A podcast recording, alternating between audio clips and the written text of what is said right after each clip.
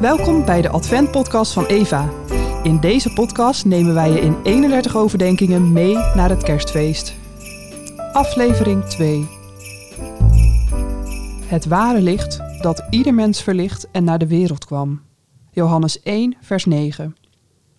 Het was Franciscus van Assisi, de grote heilige uit de 13e eeuw, die de kerststal heeft bedacht.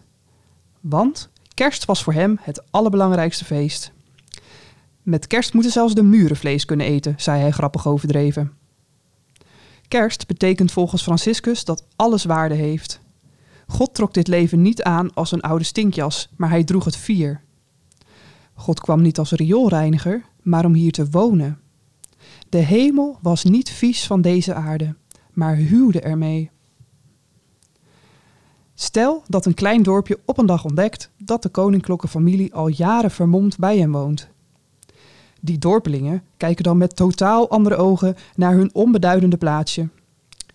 Als zelfs de koning bij hen wil wonen, dan zijn zij blijkbaar heel bijzonder. Deze wereld, met alles wat erop staat, was God bepaald niet te min.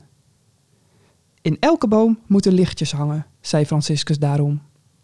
Zo wordt duidelijk dat ze sowieso al vol licht zijn. Komen daar eigenlijk onze kerstbomen met hun lichtjes vandaan?